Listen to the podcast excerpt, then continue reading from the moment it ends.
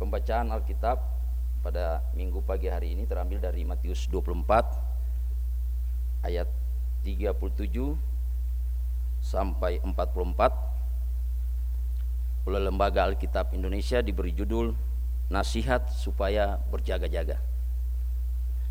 Sebab sebagaimana halnya pada zaman Nuh, demikian pula halnya kelak pada kedatangan anak manusia.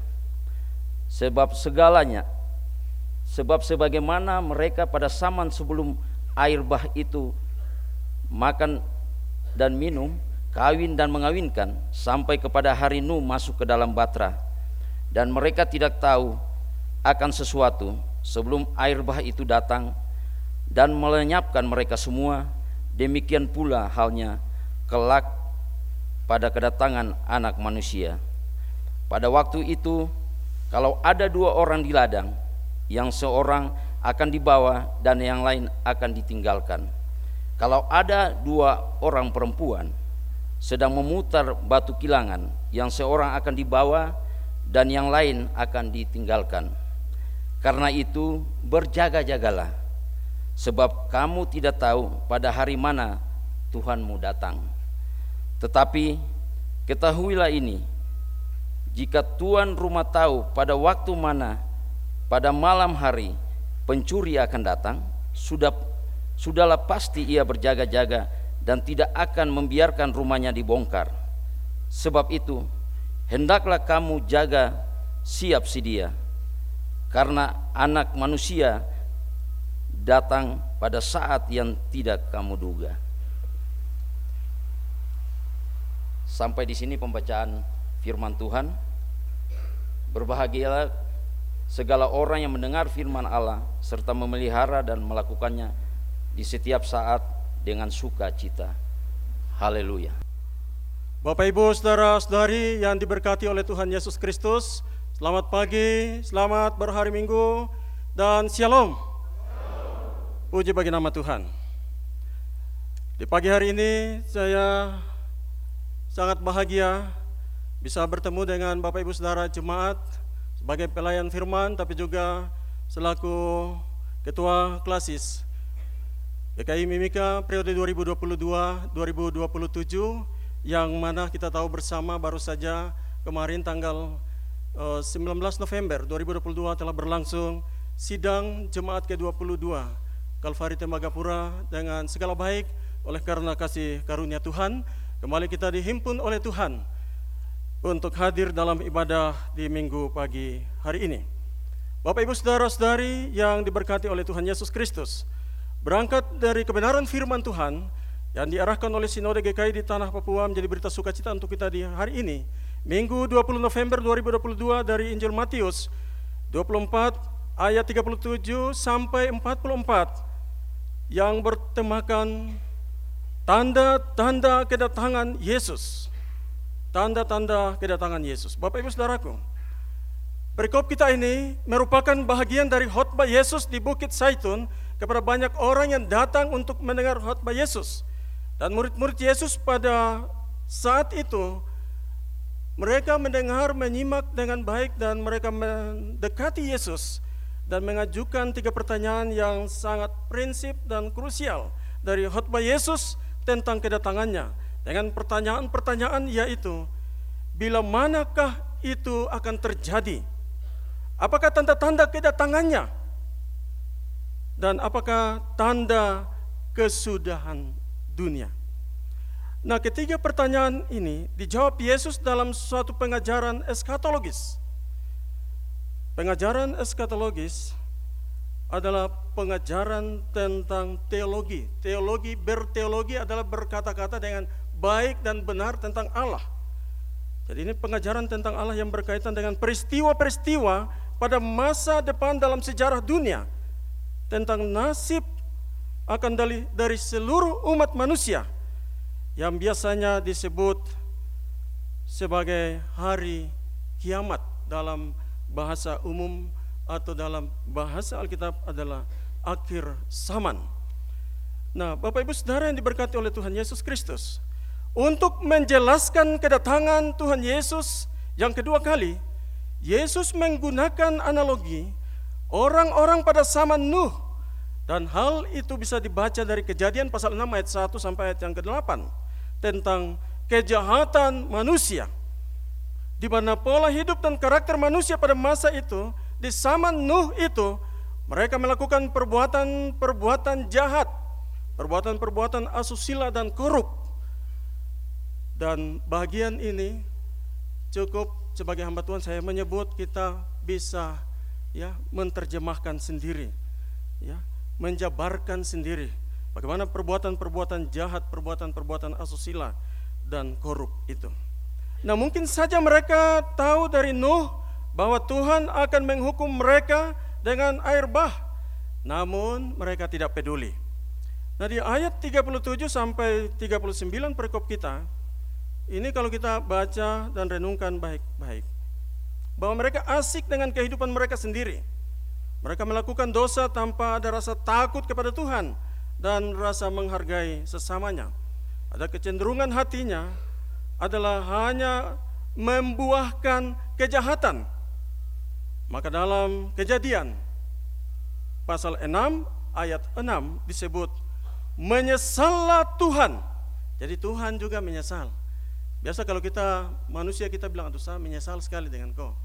Tapi dalam teks ini dari latar belakang perbuatan orang-orang pada zaman Nuh itu yang melakukan kejahatan. Maka kejadian 6 ayat 6 disebut menyesallah Tuhan bahwa ia menjadikan manusia di bumi dan hal itu memiluhkan hatinya.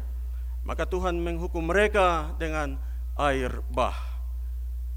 Mata mereka baru tercelik, baru terbuka saat mereka melihat air bah itu namun semuanya sudah terlambat. Kata orang, penyesalan itu biasanya datang dari belakang. Ada lagunya juga. Terlambat sudah. Terlambat sudah. Kau datang begitu disambung sendiri. Itu lagu-lagu tempo dulu. Ya, yang angkatan 90, 80-an, 70-an ke bawah sangat familiar dengan lagu itu. Ya, sekali lagi semuanya sudah terlambat. Lalu Yesus juga memakai ilustrasi lain untuk menjelaskan sifat yang tak terduga melalui kisah pengangkatan. Di ayat 40 sampai ayat yang ke 41 yaitu kisah pemilik rumah yang tahu akan kedatangan pencuri maka ia menekankan sikap berjaga-jaga. Sikap berjaga-jaga. Kita kalau tahu pencuri akan datang pasti kita akan berjaga-jaga. Berjaga-jaga di dalam teks aslinya ditulis Gregorio Gregorio. Nah kata ini ditulis dalam bentuk imperatif masa kini yang menunjukkan keadaan sikap siaga yang terus menerus pada masa sekarang dan ke depan. Jadi tidak dibicarakan ya masa lalu atau masa yang ada di belakang, tapi ini berbicara menunjuk pada sikap siaga yang terus menerus pada masa sekarang ke depan. Karena tidak ada seorang pun yang mengetahui kapan waktu Tuhan datang kedua kali untuk menjemput setiap orang yang percaya kepadanya, yang setia kepadanya sampai akhir. Di ayat yang ke-43.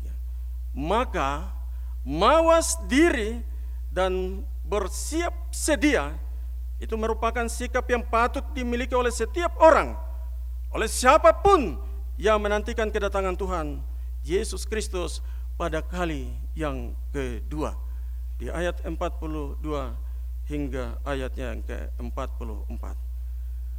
Nah, pada masa penantian ini, marilah kita berdoa dan berjaga-jaga dan pekah terhadap tanda-tanda kedatangan Yesus Kristus pada kali kedua, tetapi juga marilah kita melakukan perintah Tuhan ya yang telah diperintahkan kepada kita sebagaimana amanat agung kepada murid-murid Yesus dan kepada kita pada masa ini. Yesus katakan di dalam ayat-ayat sebelum perikop kita, tanda-tanda fisik yang nyata adalah siksaan yang berat dan adanya Mesias Mesias palsu yang menyesatkan dengan ajaran mereka. Tapi juga jangan kaget dan percaya kepada mereka. Jangan dengar dan pergi menjumpai mereka. Sebab itu hanyalah permulaan saja. Nah, bagian ini kita sudah baca dan renungkan pada pemberitaan firman sebelumnya. Dan tanda-tanda kedatangan Tuhan yang difirmankan di dalam teks kita, nats kita di Matius 24 ayat 14 dan Injil kerajaan ini akan diberitakan di seluruh dunia menjadi kesaksian bagi semua bangsa sesudah itu barulah tiba kesudahannya. Jadi Bapak Ibu Saudara kita yang hamba Tuhan keluarga-keluarga Kristen Injil ini anak-anak Tuhan Injil ini harus diberitakan. Dalam hidup kita keluarga kita jemaat di lingkungan kerja kita, di lingkup kerja kita, job site kita harus kita beritakan. Dalam tutur kata, dalam tindakan kita dan kerja kita yang berkualitas. Dan itu menunjukkan prinsip iman Kristen. Dan kita jangan lupa bersaksi akan Yesus Kristus yang adalah Mesias anak Allah yang sudah datang menebus kita dan akan datang kembali untuk meminta pertanggungjawaban iman kepada kita. Nah, kemudian berbicara mengenai latar belakang kedatangan Tuhan pada kali yang kedua pada pasal 24 ayat 27 sampai 30 ayat-ayat sebelum perikop kita yaitu adanya fenomena alam, tanda-tanda alam. Tadi malam ini hujan sampai banjir. Bapak Pendeta dari Riskem berjanji untuk malam Beliau setelah sidang jemaat ya, melakukan meeting untuk persiapan pelayanan di hari ini dan beliau berjanji untuk akan datang tadi malam tapi tiba-tiba beliau telepon tengah malam Pak Pendeta minta maaf karena hujan deras dan kami tidak diizinkan untuk ke uh, Tembagapura karena banjir dan itu tidak safety. Jadi fenomena alam, tanda-tanda alam itu mengingatkan kita juga. Di dalam teks kita, ayat-ayat sebelum perikop kita menjadi kesatuan latar belakang yang berbicara mengenai tanda-tanda kedatangan Yesus sebagaimana tema kita, yaitu kita lihat sini kilat yang memancar. Ada bangkai dan burung burung nasar yang berkerumun. Matahari menjadi gelap. Bulan tidak bercahaya. Kuasa-kuasa langit akan bergoncang, bintang-bintang akan berjatuhan dari langit. Di ayat 30, pada waktu itu akan nampak anak manusia di langit dan semua bangsa dan bumi akan meratap dan mereka akan melihat anak manusia itu datang di atas awan-awan di langit dengan segala kekuasaan dan kemuliaannya. Nah itulah tanda-tanda kedatangan Tuhan Yesus pada kali kedua. Sekali lagi, ketika bintang-bintang akan berjatuhan dari langit dan kuasa langit bergoncang, itulah tanda kesudahannya. Setelah kita memberitakan Injil sampai semua orang mendengar Injil dan percaya. Dan tanda-tanda ini sudah terjadi dalam kehidupan kita, maka itulah waktu Tuhan. Ini adalah firman Tuhan yang adalah ya dan amin. Ya. Langit dan bumi akan berlalu, tetapi perkataanku tidak akan berlalu. Jadi ini adalah perkataan Tuhan. Bapak Ibu Saudaraku, tanda-tanda kedatangan Tuhan. Bintang bintang di langit akan berjatuhan. Mengingatkan saya pada sebaik lirik lagu Black Brothers. Tahu ya? Yang tidak asing lagi bagi kita. Kembali lagi untuk kita yang ada di tahun-tahun itu. Sampai sekarang juga. Hari kiamat. Di tepi jalan si miskin menjerit. Hidup meminta dan menerima. Yang kaya tertawa berpesta pora. hidup menumpang di kecurangan. Sadarlah kau cara hidupmu yang hanya menelan korban yang lain. Bintang jatuh hari kiamat, pengadilan yang penghabisan. Bisa kita bernyanyi lagu itu? Pemain musik tidak ada. Di tepi jalan, si miskin menjerit, Hidup meminta dan menerima Yang kaya tertawa Yang kaya tertawa berpesta pora Berpesta pora hidup menumpang di kecurangan. Hidup kecurangan. Sadarlah kau. Sadarlah kau. Cara hidupmu yang hanya menelan korban yang lain. Bintang jatuh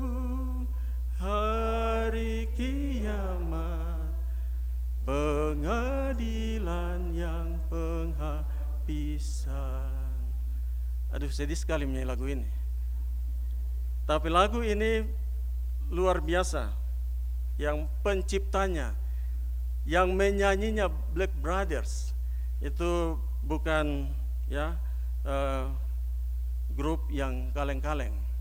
Ini luar biasa untuk kita di Papua ini identik dengan Black Brothers. Karena dia mengisahkan kehidupan ya dan juga dalam hubungan dengan Tuhan dan sesama. Jadi hidup ini hanya sementara dan hidup ini adalah anugerah Tuhan.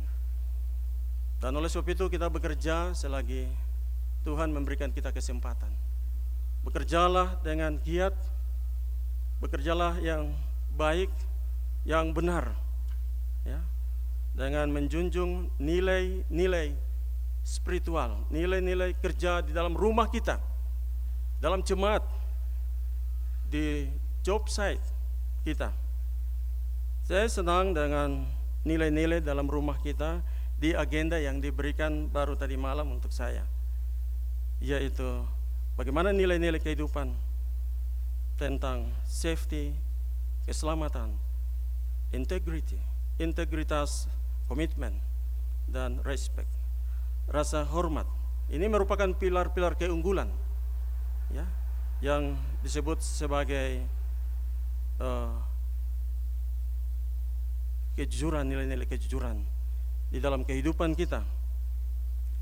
Dan Bagian firman Tuhan di saat ini mengingatkan kita untuk kita harus bekerja, kita harus jujur dan setia sampai akhir. Dan puji Tuhan, saya yakin dan percaya sebagai hamba Tuhan, Bapak Ibu, saudara-saudari, anak-anak ada di tengah-tengah perusahaan ini. PT Freeport Indonesia, privatisasi kontraktor, subkontraktor, dan juga pemerintah aparat kita ada di sini oleh karena kasih dan anugerah Tuhan. Kita sudah menunjukkan ded dedikasi kita, loyalitas kita. Dan nilai-nilai kejujuran, kesetiaan ini adalah kehidupan kita.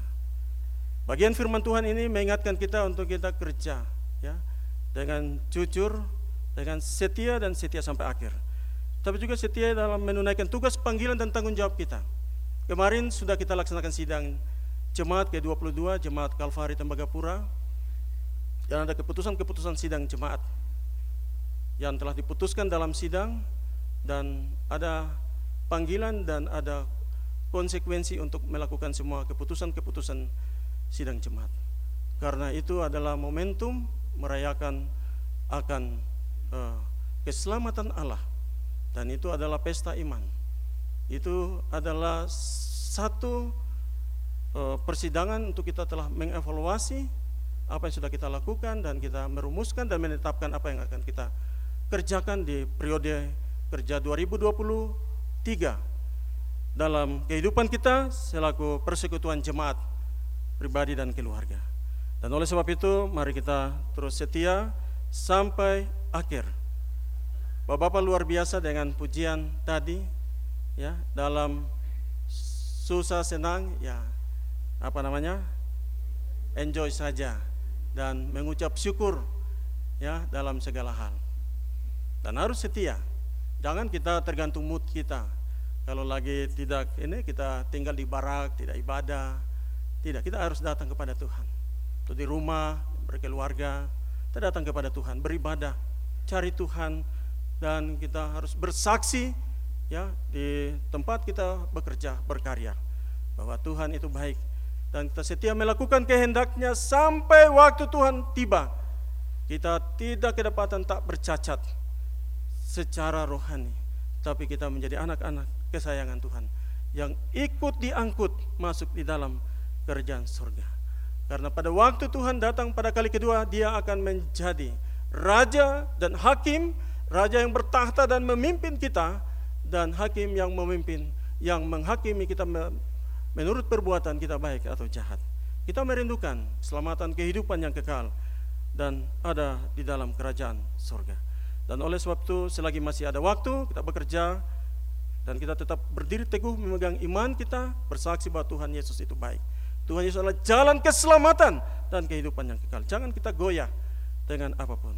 Firman Tuhan dalam 1 Korintus 15 ayat 58. Karena itu saudara-saudaraku yang kekasih, berdirilah teguh jangan goyah dan giatlah selalu dalam pekerjaan Tuhan. Sebab kamu tahu bahwa dalam persekutuan dengan Tuhan jeri payahmu tidak sia-sia. Pencuri datang. Ya. Dalam konteks kehidupan kita kalau kita tahu kita akan berjaga-jaga. Dan pencuri kalau datang di rumah kita di dunia ini untuk membinasakan kita, mengambil harta kekayaan kita. Tapi Tuhan Yesus datang untuk menyelamatkan dan memberikan kehidupan kepada kita. Amin. Yohanes 10 ayat 10 pencuri datang hanya untuk mencuri, membunuh dan membinasakan. Aku datang supaya mereka mempunyai hidup dan mempunyai dalam segala kelimpahan. Mari kita memegang janji firman Tuhan dan kita kerja-kerja setia sampai akhir. Maka kita akan mendapat tanda heran satu kepada tanda heran, bahkan mendapat keselamatan dan kehidupan yang kekal yang Tuhan anugerahkan dan janjikan bagi setiap orang yang percaya dan mengasihi Tuhan.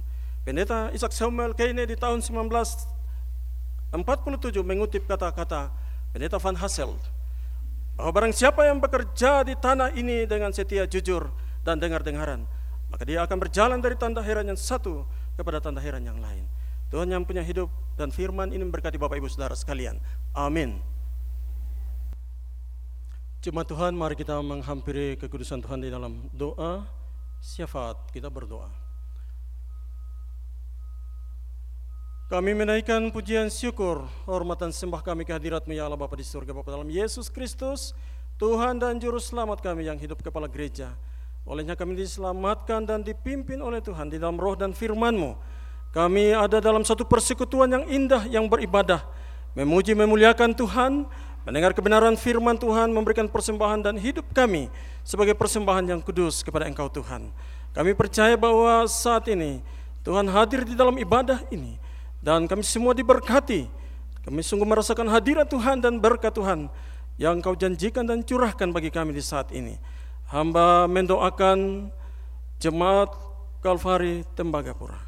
Tuhan karuniakan kebahagiaan, sukacita dan kasih Tuhan bagi setiap hidup rumah tangga dari keluarga pertama sampai terakhir dalam kehidupan setiap anak-anak Tuhan yang bekerja di tengah-tengah perusahaan Freeport Indonesia, privatisasi, kontraktor, pemerintah, aparat.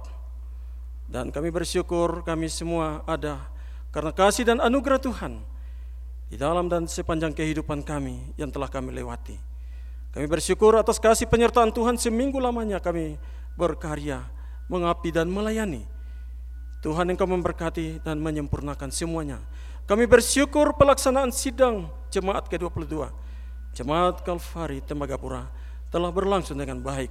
Tuhan memberkati PHMJ, Majelis Jemaat Penatua Siamas, dan semua perangkat kerja badan pelayan unsur-unsur, koordinator rayon-rayon, dan semua perangkat kerja dalam jemaat ini secara khusus panitia sidang jemaat yang telah mempersiapkan dan telah melaksanakan mensukseskan pelaksanaan sidang jemaat ke-22 DKI Kalvari Tembagapura. Tuhan memberkati kehidupan hamba-hambamu, cara pribadi keluarga dalam rumah tangga, dalam pekerjaan anak-anak dan masa depan mereka.